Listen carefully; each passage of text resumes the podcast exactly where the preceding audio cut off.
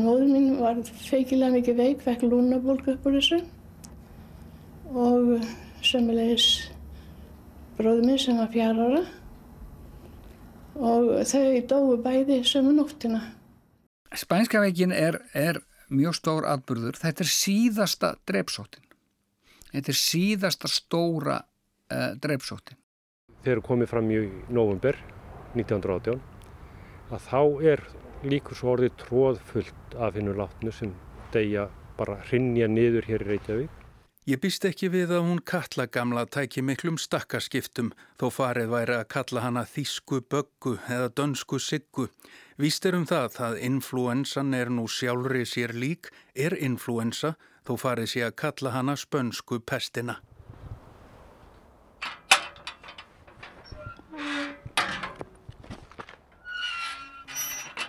Það líður ekki á laungu frá því við göngum inn í norðvestu hluta gamla kirkjugarsins við Suðurgöti Reykjavík þar til við sjáum að hann hefur sögað segja. Hér kvilur kona, látin 13. november 1918. Maður sem andast 18. november. Annað andláð 14., 12., 15.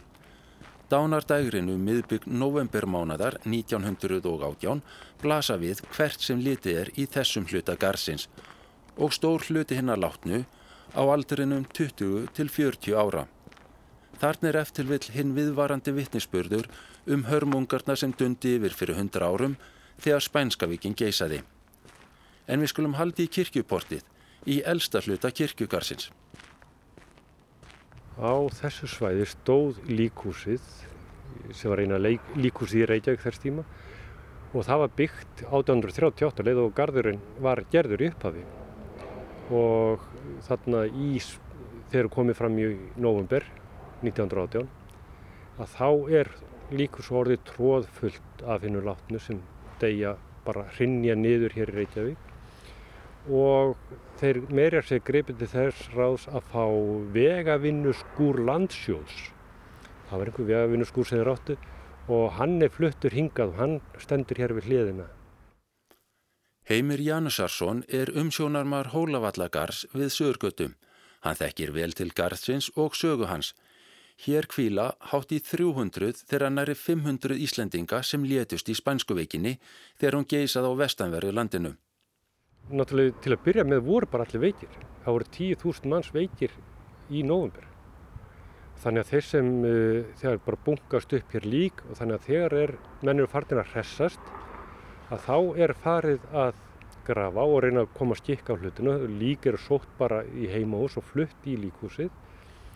Uh, Lauruglustjóri auglísir í blöðunum eftir aðstandendum að þið sem ætlaði að grafa ættingi ykkar láti vita að öðrum kosti sér hið ofinbæra um og það er það sem gerist hér 20. november að það eru átjón manns grafnir í einni aðtöfn og þau eru öll með nafni nema tvær konur sem finnast látnar í húsi. Það har greinlega verið gerstkomandi þar og enginn lifandi til frásagnar hverja þessar tvær konur voru. Nú stöndu á svæði það sem skiptast á já, það sem við þekkjum öll sem hefðbundnar grafir, misjaflega útbúnar og svo stutt græn svæð á milli. Hvað getur þú sagt mér um þennan stað þar sem við erum nú? Hér er þessi stóra fjöldagröð sem var tekinn 20. november þar sem 20 manns, 18 manns voru grafnir í einu og það er náttúrulega ekki hægt að merkja þetta svæði með nöfnum eða einhver ákveðna fjölskyldu því þetta var bara í einfaldur röð þannig að það hefur engin sem vissu fyrir því að legstinni sé á réttum stað eða annað þannig að það hefur ekki verið merkt. Þannig að það sem við sjáum bara grasið grænt líki yfir þetta er eins og þetta kom undan þá vetri næst. En setna meir hafa bæst þá við leggsteinar þar sem fólk er hvað svona námundað hvar þeir ættingi ekki að vera. Já sko það hefur verið, einhver starf hefur verið vitað á sömur stöðunum að hvar, hver viðkomandi kvílir en hér er náttúrulega mjög þjætt grafið í upphafi en svo þegar fer að líða á veikina þá fer að menna hafa trú á því að að mati komi setna og það fer að taka frá fyrir þá eftirlefandi maka eða jáfnveg börn eða fóreldra Þannig að þá sagt, stækkar gardinu hraðar og stærra pláss fyrir undir þetta. Það kann að vera að við höfum byrjað á öfugum enda í kirkjugarði í samtímanum hundrað árum eftir að Spænskavíkin lagði miljónir í gröfina. Og þó, kirkjugarðar um heimallan byrja enn merki vágesins sem geistist um heimsbyðina að segja má á leiftu hraða og fær okkur enn heimsannin um hversu skjelvileg Spænskavíkin var.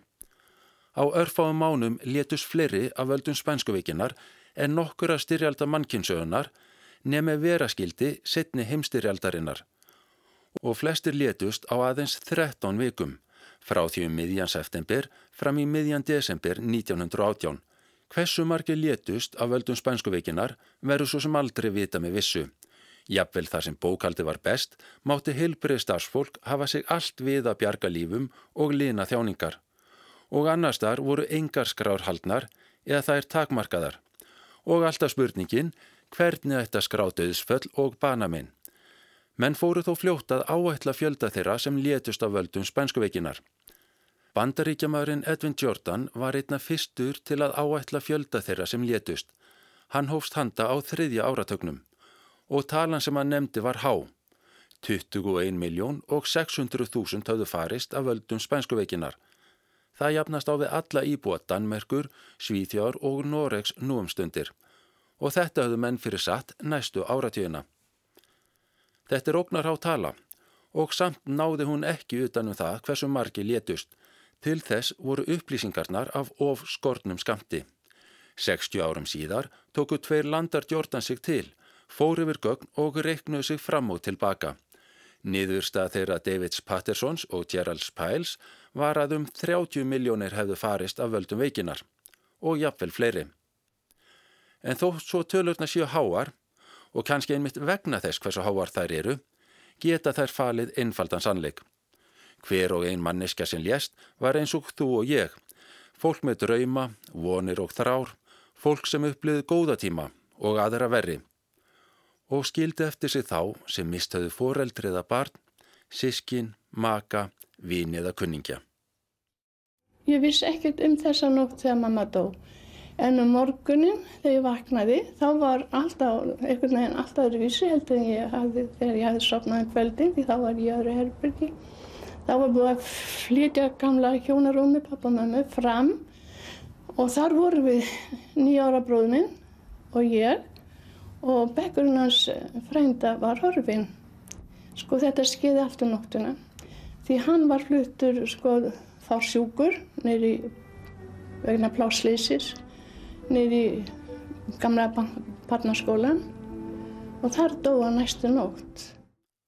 Þarna heyrðum við í Haldóru Guðmundsdóttur sem er rifjað upp á nýraðsaldri hvað gerst hafði á heimili hennar þegar hún var 6 ára gömul í november 1918. Hún var einn þeirra mörgu íslensku barna sem mistu annað eða báða forelda sína í spænsku veikinni og um heimallan beð sama hlutskipti tuga eða hundraða miljóna barna. Aftur að því hversu margt fólk hlést. Jafnvel 30 miljónir reyndist mikið vanmat á því hversu marga spænska vikin lagði að velli. Sagfræðingarnir Jörgur Muller og Næjald Jónsson lögðust í útreikninga um aldamót. Rétt eins og áður þegar menn áætluðu mannfallið bentu þeir á atrið sem öðrum hafi sést yfir og vanmat á döðsföllum í einstökum löndum og heimslutum. Ekki síst í Indlandi. Í því landi einu fór næri að jafn margir hefðu látist af völdum spænskuveikinar og Jordan hefði áætlað á þriði áratögnum að hefðu dáið í heiminum öllum. Og hversu margir dói? Um 50 miljónir. Aða lámarki. Muller og Johnson sögðu að varlega áætlað mætti gera ráð fyrir því að 50 miljónir hefðu látist í spænskuveikinni á heimsvísu, flestir í Asíu um 30 miljónir. Og þar sem þetta var varkárt mat getur verið að miklu fleiri hafi látist, alltaf 100 miljónir. Reynum að setja þetta í samingi við aðra þá vofiflögu atbyrði sem hafa orðið einna flestum að bana, verstu farsóttir og mannskeiðstu stríð.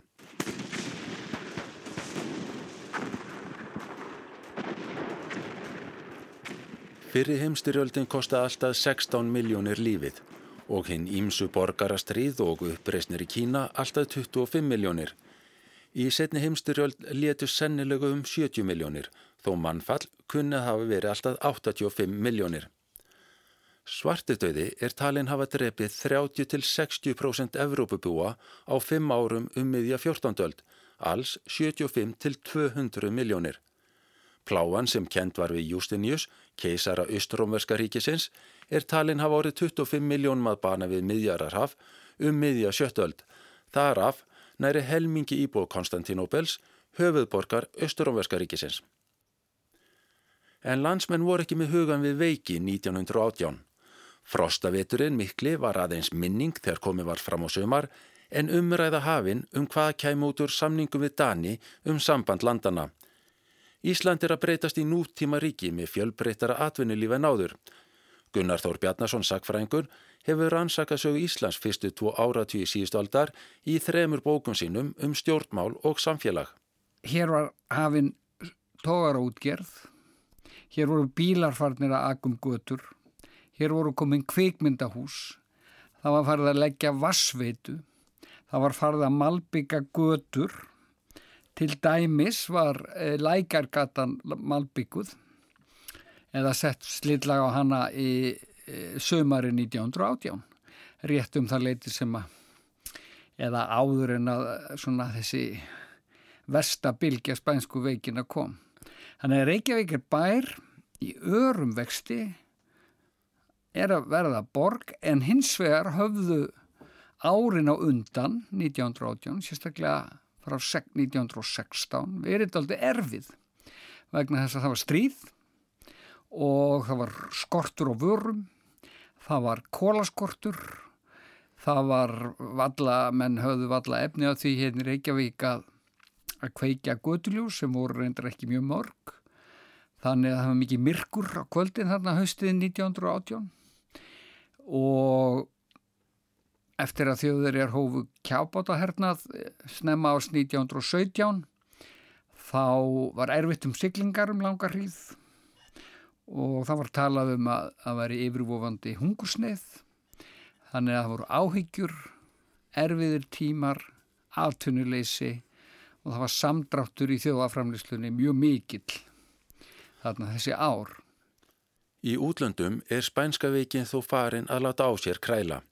En það er svo merkilegt að veikin var ekki svo mannskæð þegar hennar var fyrst vart. Hún breytist að vísa hratt út og margir veiktust svo miljónum skipti. En það var ekki neittni líkingum við það sem síðar varð. Fyrsti skráði sjúklingurinn var kokkur. Albert Gitschel hafði þann starfa að elda ofan í bandaríska hermen í þjálfunarbúðum í Fort Riley í Kansas áður en þeir voru sendir á víguvelli fyrir heimstyrjaldar í Fraklandi. Gitche leitaði til læknis að morgni 4. mars, kvartaði undan vannlíðan og síðan hver hermaðurinn á fætur öðrum. Innan skams höfðu 522 vext á herstöðinni og einn kenningin um uppruna spænskuveikinar er að þaðan hafi hún breyðst út til New York og annara hafnarborgabandaríkjana þaðan sem hermenn stremdu til Evrópum. Veikin hafi borist til Fraklands í skipum, tróðfullum af hermönnum og þannig breyðst hratt út meðal miljóna hermanna sem hafði verið sapnað saman í miklum þrengslum á víglínunni og í herstöðum og byrdastöðum bak við víglínuna og þaðan hafði hún skotist með leifturhraða landa á milli. Það er reyndar ekki víst hvar spænska veikin á uppröna sinn. Kenningarnar eru margar. Augun hafa beinst til Asju og þá sérstaklega Kína, til Östuríkis og Norður Fraklands, til annara staði bandaríkjónum en Kansas og jafnvel að veikin hafi verið komin á kreik ekki síðar en hausti 1917 eða jafnvel fyrr. En þrátt fyrir þær tilgátur er almennt miðað við að spænska veikin hafi gengið um heimsbyggðina frá voru 1918 fram til 1920. Þegar í júli var fólk farið að lýsa áhyggjum af því á Íslandi hvaða áhrif veikin kynni að hafa. Morgunblæði saði frá því 21. júli að er fréttir bærus frá útlöndum að þjóðverjar hefði orðið að fresta sóksinni vegna influensum meðal hermana og að veikin hefði breyðst óðufluga út í kaupmannahöfn svo mjög að taka hefði þurr gamla ríkistingsaðsetri í notkun sem sjúkrahús. Og hingað barst influensa á dögunum með botnvörpungi frá Englandi. Veikin er sögð væg að því leiti hún drepi engan. Eigi að síður ættum við að varast hana svo mjög sem undir. Nú er Botnia komin hinga frá Kaupmannahöfn og er viðbúið að ásamt öðrum gæðum flytjun okkur þessa pest. En hverja ráðstafanir eru þá gerðar gegninni? Sumir eru þann veg skapi farnir að þeim þykir það ekki ómaksinsvert að verjast farsóttum sem eigi eru drepandi. En slík kóru villa ætti að kveðast niður hið allra fyrsta. Sóttvarnar kostnaður getur aldrei árið svo mikill að hann verði í hverfandi hjá því tjóni sem að veikindum leiðir. Það kostar ef þið vil nokkur hundruð krónur að verja Reykjavík fyrir farsótt En hvað kostar það ef allir vinnandi menn bæjarins liggja veikir þó ekki sénum að fjóra til fimm daga? Höfundur óttast að meinlösu, innan gæsalappa, meinlösu sóttirnar gætu veiklað menn og gerð þá mótækilegri fyrir verri sjúkdómum eins og berglum. Þetta eru hlutaðigandur beðnir að aðtúa vel og læknastjettinni ætti eigi að vera það ofvirki að verja okkur fyrir þessum vágesti ef hún aðeins vill. En hvað á barnið að heita? Eða öllu heldur, Hvers vegna tölum við um spænskuveikina? Það var ekki spænst við spænskuveikina, faraldurinn átt ekki upptökt sín á spáni og hann var ekki skæðastur þar. Og ekki dætt spánverjum sjálfum í hug að kalla sjúkdóminn spænskuveikina. Fjarið því heldur tóku þeir því mjög illa. Og nöfnin sem voru notið við sjúkdóminn voru ófá í fyrstu. Spánverjar köllu sjúkdóminn í fyrstu Hermanni frá Napoli. Ástæðan var kannski langsótt. Veikin var nefnd eftir vinsælu lagi úr óperettum Don Juan sem naut mikill að vinsælda á þessum tíma.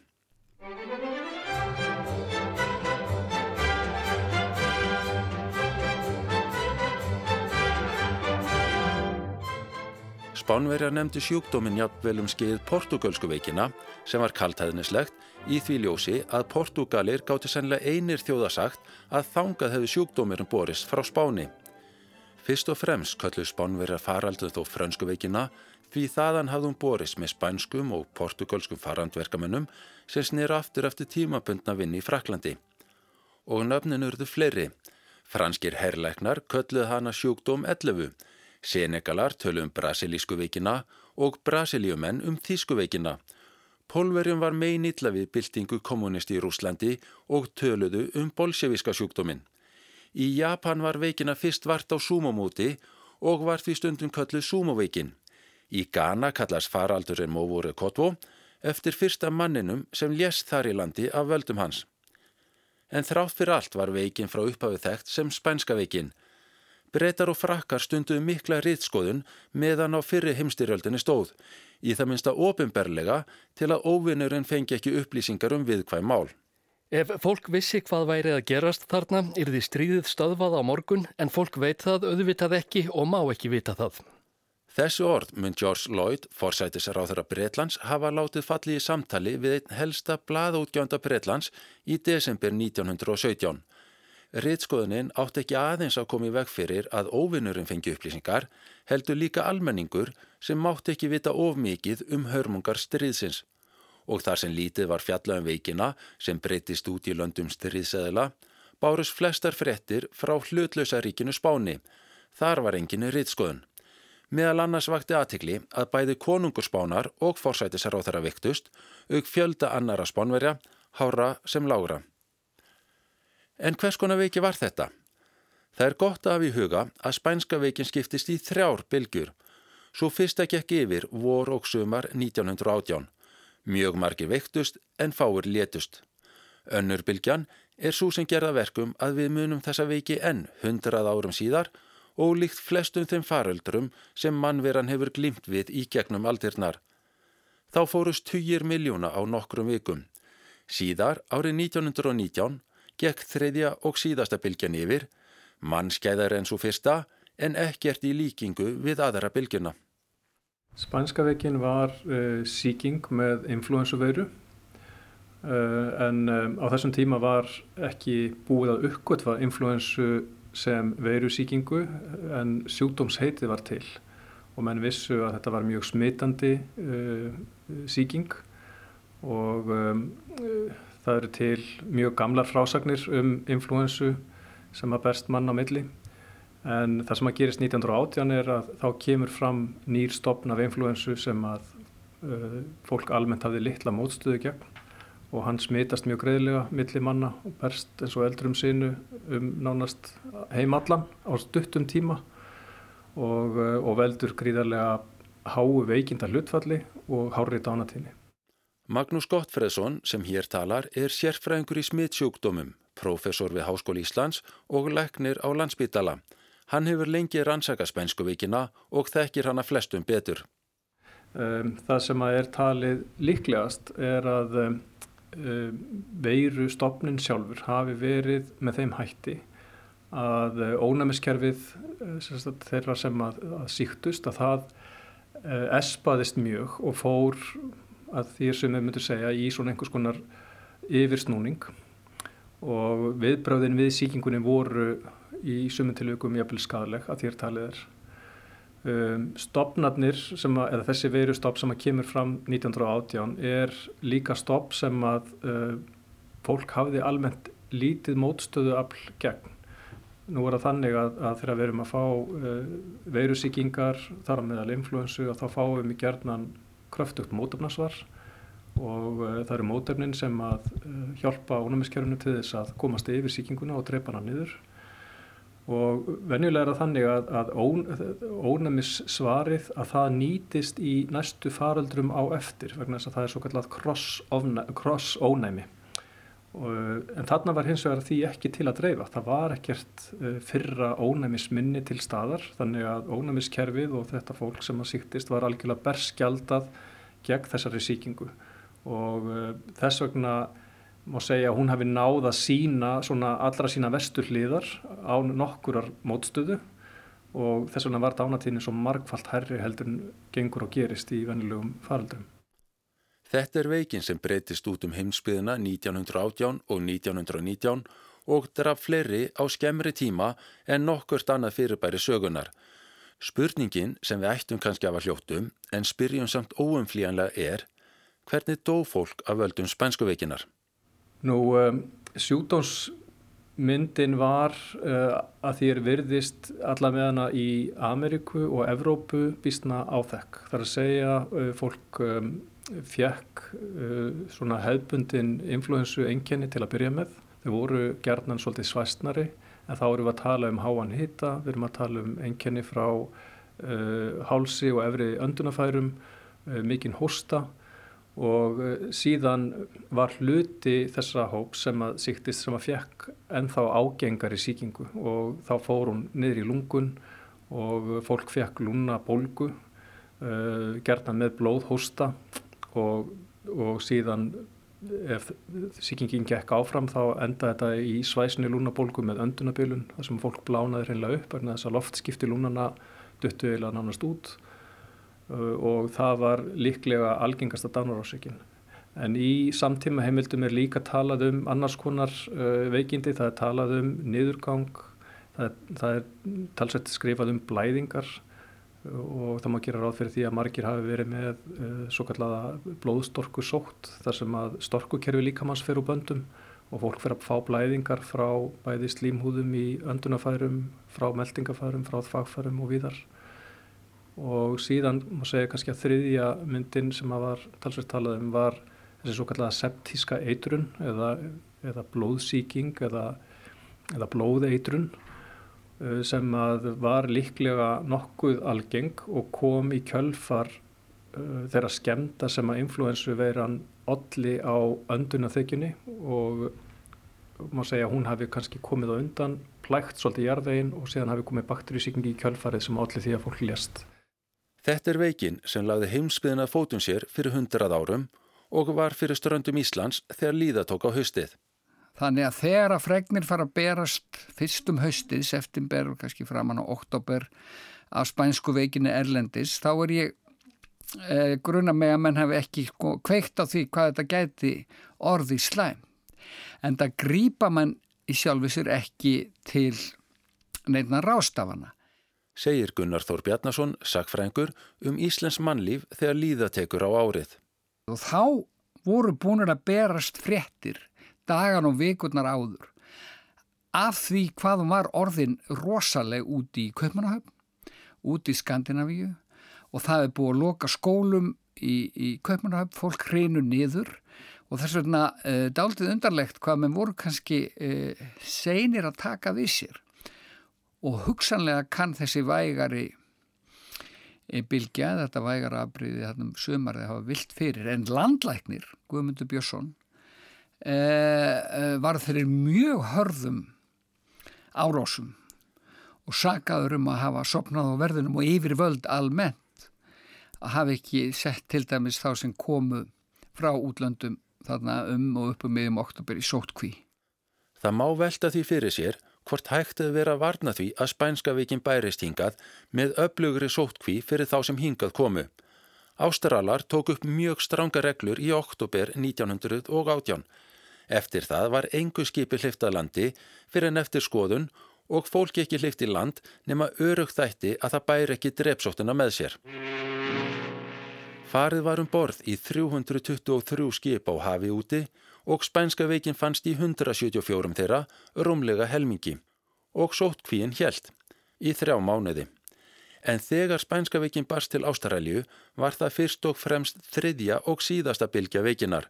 Hún breytist hratt út og var banvæn en ekki jafn slæm og önnur bylgjan sem olli flestum döðsföllunum. Dánartíðnin var því lagri í Ástralju en víðast annar staðar. En það var önnur bylgjan sem kom til Íslands þann 19. oktober 1918. Það er alltaf því skáldlegt að það gerir sama dag og Íslendingar greitu atkvæði um sambandslagasamningin við Danmörku sem veitti Íslandi stöðu fullvalda ríkis.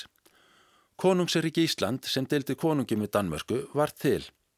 Og þegar að skipið lagði að bryggja þá var sagði að skipstjórn það væri veik manneski um borð og þá, keldi, sko, þá var influensa komin upp í köpmannum og hún geti Elisabeth þessi kona og hann er það kennari.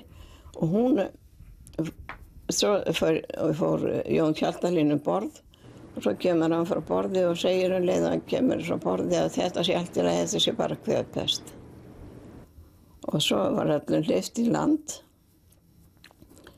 Svo átti hún bróðir sem var í vélstjóraskólanum. Og hann er með því fyrstu sem veikist. Hann er bróður hennar og, og, og margir í, í, í vélstjóraskólanum sem vektist á út frá þessu. Og þá sáu þeir að þetta var náttúrulega pest Magdalena Ottsdóttir sem þarna talaði var barnað aldri árið 1918 en rivjaði atbyrju hussins og vetrarins upp 80 árum síðar þegar hún stóð nálagt nýræðu. Guðrún Gísladóttir, móðir hennar, vann meðal annars við þrif í millilandaskipinu Botníu og það var einmitt koma Botníu sem Magdalena lísti hér að ofan. Botníu var reyndar ekki eina skipi sem bar veikina hingað.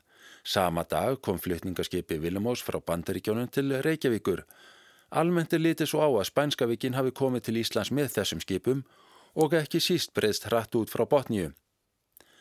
Frettir í blöðunum þessa daga snúa samt aðalega um atkvæðagreðsluna, stríðið í Evrópu og köllugos. Morgunblæður sagði þó frá því daginn eftir komu skipana að yngsti sonu Svíakonungs hefði nýlega látist úr lungnabolgu sem hann hefði fengið upp úr Spænskuvekinni. Fyrstu bladafréttina um influensu í skipunum var að finna í dagblæðinu fréttum sem þá kom út. Sagði tveimur dögum eftir komi skipana að einn hefði verið veikur í botníu en að í Vilimós hefðu nær allir skip verið að vext nema skipstjórin og matsveitn. Bæði svo danska og ameríska influensa reyndist vera sama tegundin sem hér hefur gengið og er hér enn og þótti landlækni því ekki ástæða til að gera sérstakar ráðstafanir. Sama dag byrtast frettir í morgunblænu og vísi um að spænska veikin magnist mjög í kaupmannahöfn og að ákveðið hafi verið að loka barnaskólum af þeim sökum. Auk þess sem 2000 sænskra hermana hafi veikst og vísir bætir við. Þess er að vænta að hér verði nú gætt allarar varúðar ef und væri að koma í veg fyrir það að veikin breyðist hér út því hún er nú miklu illkynjaður en áður. Viku eftir að veikin barst til Íslands byrtist lítil frétt í vísi. Nokkri nefnendur á vélstjórnarskólanum hafa tekið veikina en hún er sögð mjög væg eins og áður. Sjúklingarnir hafa aðeins hitavott, magleysi og svo framvegis en allur er varin góður samt. Dagblæði fréttir skrifar um veikina sama dag og lítur hana öðrum augum að hún sé allmiklu næmar en influensan sem var á ferðum sumarið Þannig sé mikill hluti vélstjóraskólans fallin í valin og gera mig ráð fyrir því að veikin verði ekki stöðvið úr þessu. Áhyggjur manna virðast fara vaksandi af skrifu morgunblöðsins að dæma undir lok oktober. Þá er mynd á að ekki hafi þótt ástæð til aðgerða þegar spænska veikin kom til landsins um sumarið en ekki talin hættilega á þeim tíma. Nú er öðru mála gegna. En hvað er gert hér? Ekkert.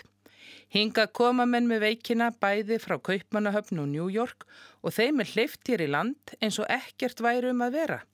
Farið svo fram hér eftir er engin evi á því að drepsóttin berst hingað að.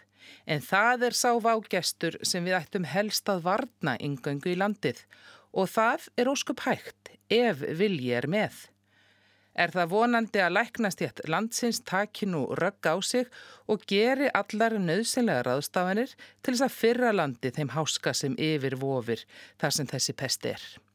Það er aukinn þungi komin í málblaðsins og fyrirsögnin segir sína sögu. Þar er spurt, skal flotið sofandi að feigða rósi.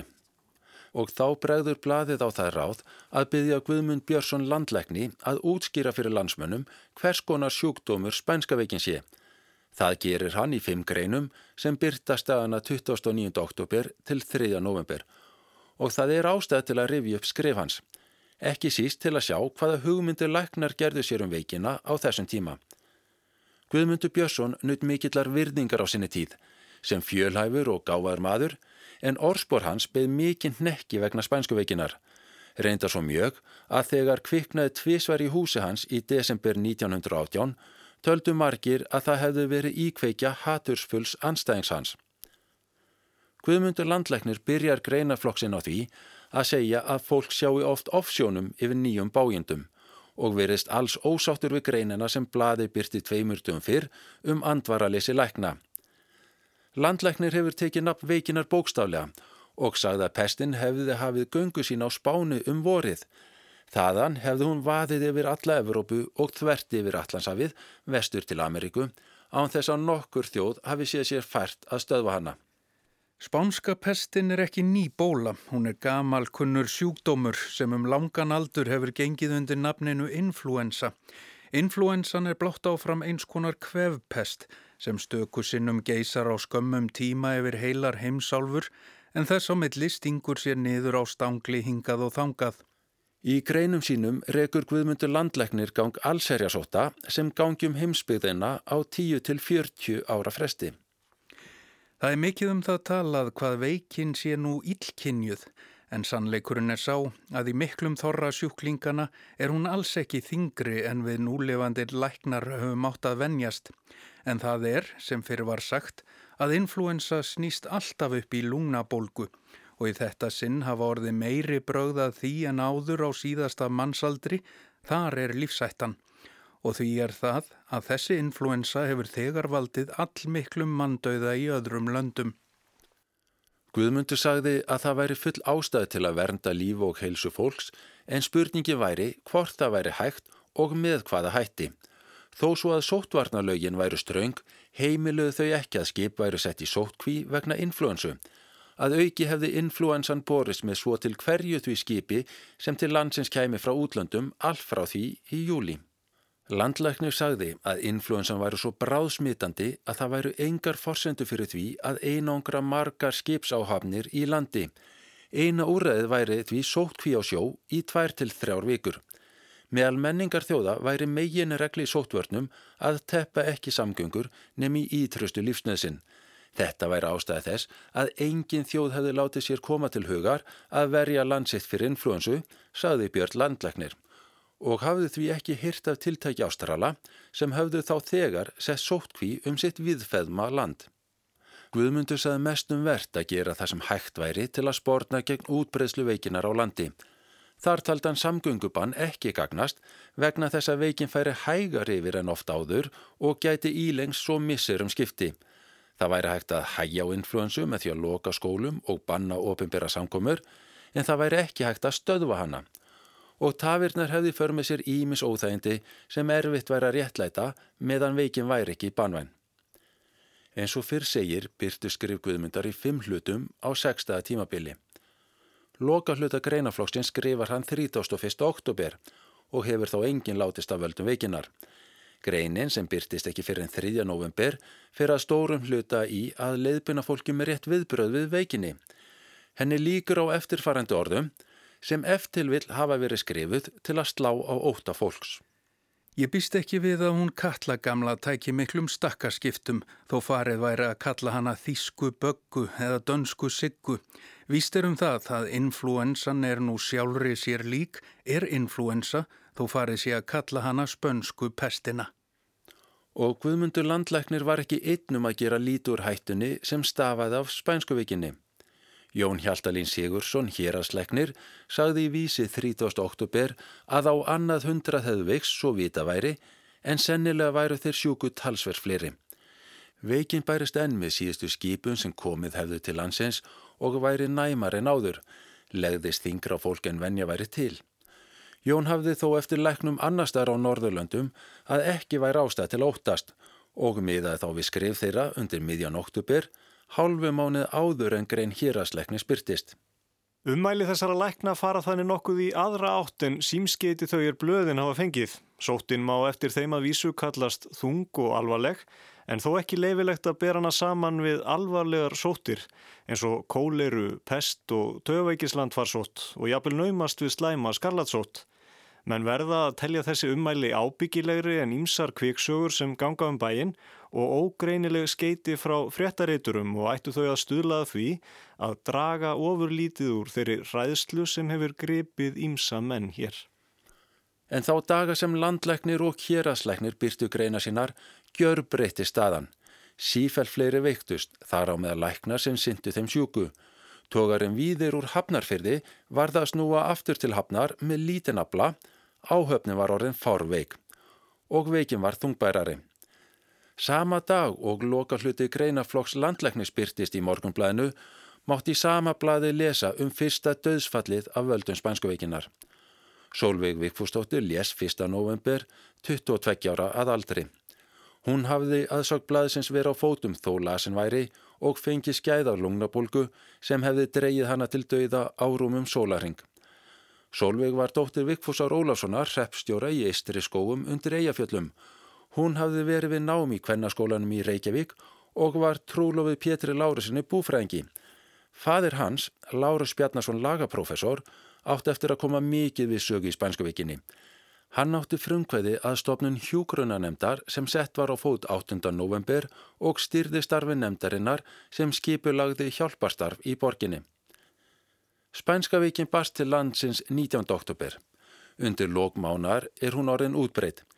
Í november leggs hver bæjarbúna fætur öðrum og veikin best hratt út á Suðvesturhorninu, allalið á vestfyrði og til Vestmanneia. Höndauðans leggst yfir höfuborgina eða, eða bæin og það er eiginlega ekkert í gangi. Veslanir loka, skólum, skólahald er aflýst, það er engar bíósýningar, engar skemtanir, það er um smá, eh, eða svona kannski tökja veikna skeið, það var svona misjamt og uh, uh, blöðin kom ekki út. Til dæmis 11. november þegar heimstyrjöldinni laug sem var nú stæsta frétt ásins kannski fyrir utan spænsku veikina að þá er engin blöð sem kom út í Reykjavík og þau rétt geta það tekið sér saman einhverju, kannski einni eða tveir brentar og það er gefin út svona samiðilegur fregmiði frá blöðunum. Þannig að e, það er mjög erfitt að ímynda sig hvernig aðstæði voru. Það var engin, e, voru engin starfsmenn sem reynsuðu sorp. Það var ekki reynsáður kömrum sem voru við flest hús. Þannig að svona upp og eftir, upp úr miðjum nógumber og eftir miðjan nógumber er í einu orði sagt hríkalegt ástand hinn í Reykjavík. Gunnar Þór Bjarnason, sagfræðingur. Spænska veikin er, er mjög stór atbyrður. Þetta er síðasta dreipsóttin. Þetta er síðasta stóra uh, dreipsóttin. Og samfélagið, sko, heilbreyðis uh, þjónustunni eða lækna vinstunum er að uh, fljúa fram og það er að sagt, koma kynsluði sem alast upp við að að geta gert ráð fyrir því að lifa. Stundum svona ef við einföldum málinn hér fyrra á öldum þá einhvern veginn áttu allir vona því að geta bara vext og, og dái hvena sem er. en núna er það eiginlega öfugt. Ef, ef einhver deyr á góðum aldri þá er það bara hrikalegt áfall. Það var svona, dauðin var uh, svona stærri partur af lífi fólks ef að svoleiðis má taka til orða og spænska veikin er svona síðasta stóra dreipsóttin. En móður mín var feikilega mikið veik, fekk lúnabólku upp úr þessu og sömulegis bróður minn sem var fjár ára og þau dói bæði sömu nóttina. Haldóra Guðmundsdóttir var sex ára þegar spænska veikin geisaði og breytti lífi hennar. Haldóra rifjaði þetta upp undir lok síðustu aldar í viðtali sem tekið var fyrir sjónvarsþætti Elinar Hirst um spænsku veikina. Þá var Haldóra á nýræðisaldri en sársökin skein enni í gegn. Jarðar fyrir móðurinnar var ungu barninu eftirminnileg. Svo var það að, þarna þegar maður verið að syngja, sálminn